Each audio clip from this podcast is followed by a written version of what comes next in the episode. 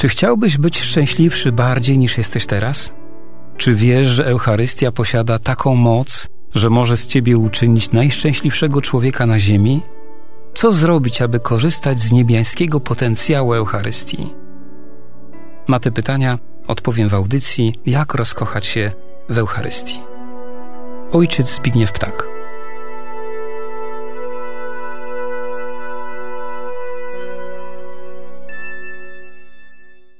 Dzisiaj, jak zawsze, nasze spotkanie rozpoczniemy modlitwą. Nie chcemy czynić tego, bo tak wypada, bo tak trzeba. Mamy przekonanie, że modlitwa jest w stanie przysposobić nasze serca i umysły do korzystania z treści, których będziemy słuchać. Pragniemy to przekonanie w sobie ciągle pogłębiać. Wierzymy, że mówiąc Eucharystii, dotykamy wielkiej świętości, a nikt z nas nie jest godzien nawet pochylać się nad nią. Brakuje nam właściwego usposobienia serca, aby przypatrywać się świętości nad świętościami. Ale jeszcze bardziej brakuje nam miłości. Ona jest najbardziej kluczowa w poznawaniu Eucharystii. O nią winniśmy najbardziej zabiegać. Nasza miłość w poznawaniu boskiej miłości jest tak ważna, gdyż tylko miłością poznaje się miłość. Dlatego módlmy się o taką miłość dla naszych serc, która pomoże nam choć trochę poznać miłość Jezusa Eucharystycznego. Wszechmogący Boże, ofiarujemy Ci krew Jezusa Chrystusa, krew wszystkich męczenników, cnoty i zasługi Jezusa, Maryi i wszystkich świętych, w połączeniu ze wszystkimi mszami świętymi, do tej pory sprawowanymi i tymi, które do końca dziejów będą sprawowane w intencji naszej żarliwej miłości do Eucharystii, w intencji naszego głodu Eucharystii, w intencji naszego zadziwiania się mszą świętą. Amen. Błogosławię Was wszystkich w imię Ojca i Syna i Ducha Świętego. Najpierw tradycyjnie małe przypomnienie z ostatniego spotkania. Przywołajmy najpierw w kilku zdaniach treści z naszego poprzedniego spotkania. Przed tygodniem mówiliśmy o znaku krzyża. Powiedzieliśmy między innymi, że krzyż stanowi centrum wszech dziejów. Znak krzyża posiada moc egzorcyzmowania i nabożnie czyniony duchowo włącza nas w tajemnicę zbawienia, którą śmierć na krzyżu przyniosła ludzkości. Znak krzyża zachęca nas także, abyśmy każde nasze cierpienie przeżywali w bliskości Chrystusa.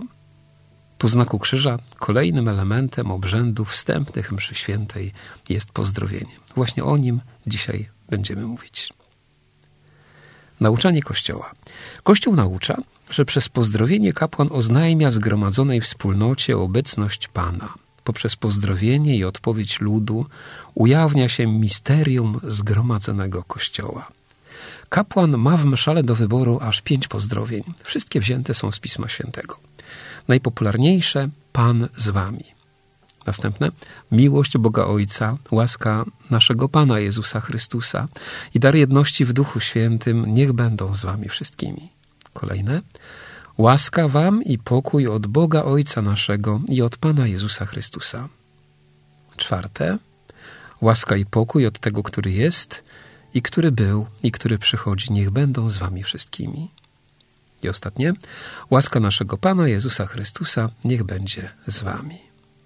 Kiedy liturgię sprawuje biskup, wówczas pozdrawia wiernych, pokój z wami. Pogłębienie. Pozdrowienie jest praformą ludzkich spotkań, należy do najstarszych form zachowań człowieka. Wyraża ono głównie akceptację, szacunek, uznanie, a także łączy ludzi. Źródłem biblijnych pozdrowień w Starym Testamencie było słowo barakach, które oznacza błogosławić.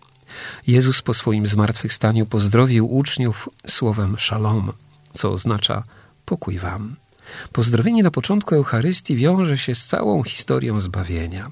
Kapłan, który przewodniczy zgromadzeniu liturgicznemu, staje przy ołtarzu jakby na przedłużeniu patriarchów, proroków, a nawet aniołów. Najczęstsze pozdrowienie, Pan z Wami, jest stwierdzeniem obecności Boga, Jezusa Chrystusa w zgromadzeniu liturgicznym. Jest wiele miejsc i wydarzeń w Piśmie Świętym, gdzie ono się znajduje. Na przykład anioł przychodzi do Gedeona ze słowami Pan jest z Tobą, dzielny wojowników. To fragment z Księgi Sędziów. A teraz z księgi Ród. Boos pozdrawia żniwiarzy. Niech Pan będzie z wami. Tymi słowami anioł pozdrawia Maryję. Bądź pozdrowiona, pełna łaski, Pan z tobą. Z Ewangelii według świętego Łukasza. Pan z wami to również uznanie wiernych za Kościół i stwierdzenie jednej z czterech podstawowych obecności Jezusa we mszy świętej. Pierwsza, najgłębsza obecność Jezusa w Eucharystii to oczywiście postacie chleba i wina po konsekracji. W nich obecny jest najpełniej Jezus Chrystus. Drugi sposób obecności Jezusa w liturgii to Ewangelia. Kościół uczy, że zawsze, kiedy czytana jest Ewangelia, to sam Chrystus staje wobec nas i przekazuje nam swoje słowo. Trzeci sposób obecności to osoba kapłana. W nim podczas mszy świętej jest obecny Chrystus. Czwarty sposób obecności Jezusa w liturgii to oczywiście wszyscy uczestnicy Najświętszej Ofiary. Ta obecność Chrystusa jest zakotwiczona na dwóch fundamentach. Najpierw są słowa Jezusa, który mówi bardzo prosto: Gdzie dwóch albo trzech gromadzi się w moje imię, tam jestem pośród nich. Z Ewangelii Mateusza. Drugim fundamentem jest sakrament Chrztu Świętego. Dzięki niemu Jezus jest w zgromadzonych, a oni posiadają dar kapłaństwa powszechnego.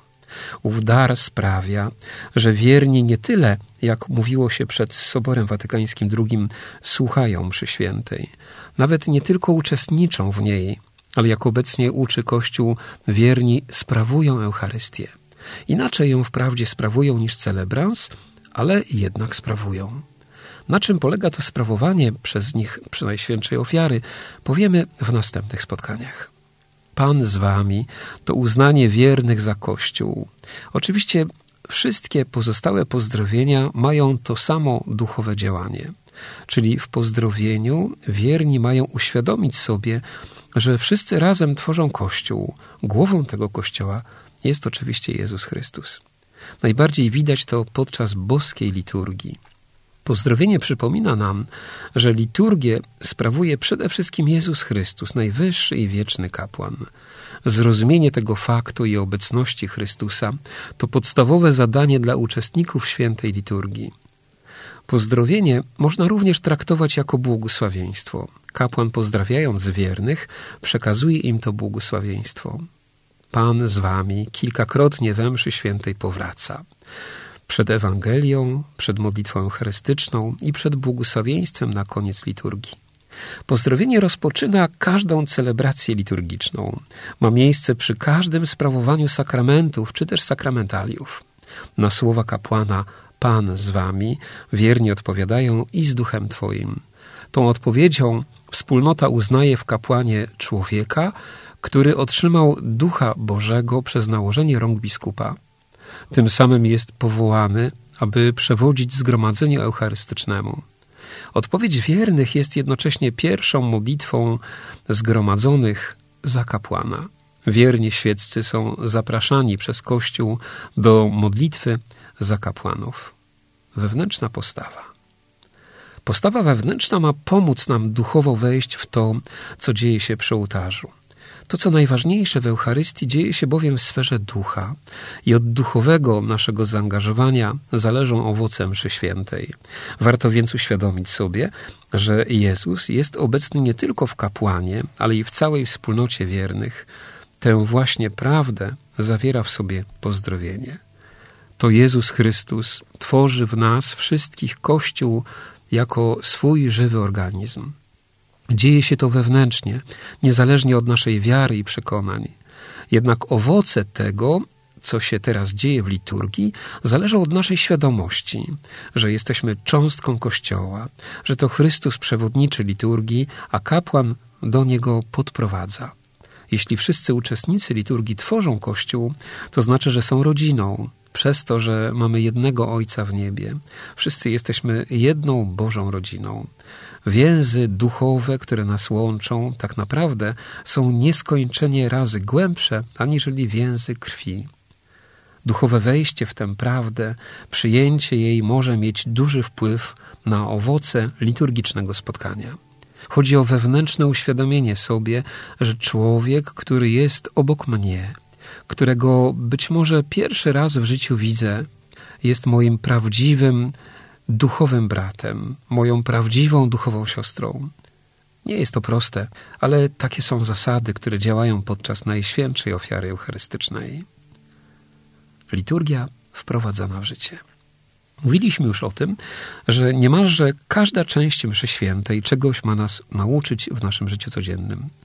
Mówiliśmy i o tym, że łączenie niemal każdej części liturgii mszalnej z życiem Jezusa przynieść może niewyobrażalne duchowe owoce. Pochylimy się zatem nad tymi dwoma wątkami, jak wprowadzić pozdrowienie mszalne w naszą codzienność. Niemal każdy z nas od czasu do czasu, a nawet częściej, uczestniczy w różnych spotkaniach. Spotykamy się z rodziną, ze znajomymi, czy też z obcymi. Każde takie spotkanie zwykle rozpoczyna się od powitania. Różne są sposoby powitania. Często jest to podanie dłoni, niekiedy serdeczny uścisk. Zawsze coś z tych zewnętrznych, zwyczajowych elementów ma miejsce podczas spotkań.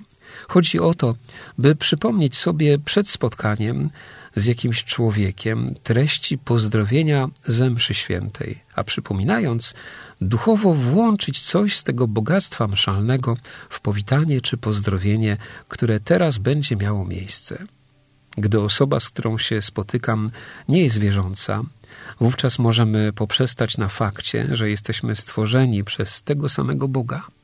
Świadomość tego już może zmienić naszą relację do tej osoby. Inna prawda wiąże się z osobą Jezusa Chrystusa. Jezus zewnętrznie był zwyczajnym człowiekiem, spotykał się z ludźmi. Na wschodzie inaczej niż w naszej kulturze ludzie siebie traktowali. Powitanie nie polegało tak jak u nas na zwykłej, krótkiej kurtuazji. U nich powitanie czy pozdrowienie to cały rytuał. Chodzi więc o to, aby to, co było treścią Jezusowych pozdrowień podczas Jego ziemskiego życia, wnieść w nasze pozdrowienia, nawet jeśli one są bardzo skromne. Jezus Chrystus jako Bóg człowiek niejako namaszczał spotkania boskim elementem. Wewnętrznie one miały nieskończenie głębszy charakter, ale i zewnętrznie z pewnością odbiegały od standardów. Nasze zadanie polegałoby na tym, aby to Jezusowe bogactwo włączyć w nasze codzienne spotkania. A zatem nie tylko wnosimy pewne aspekty mszalnego pozdrowienia w codzienność, ale również łączymy je z osobą Jezusa Chrystusa. Takie łączenie codziennego życia z elementami mszy świętej wraz ze świadomością naśladowania Chrystusa może przynieść niewyobrażalne skutki duchowe, a czasami nie tylko duchowe. Dziękuję wszystkim za uwagę i błogosławię w imię Ojca i Syna i Ducha Świętego. Amen.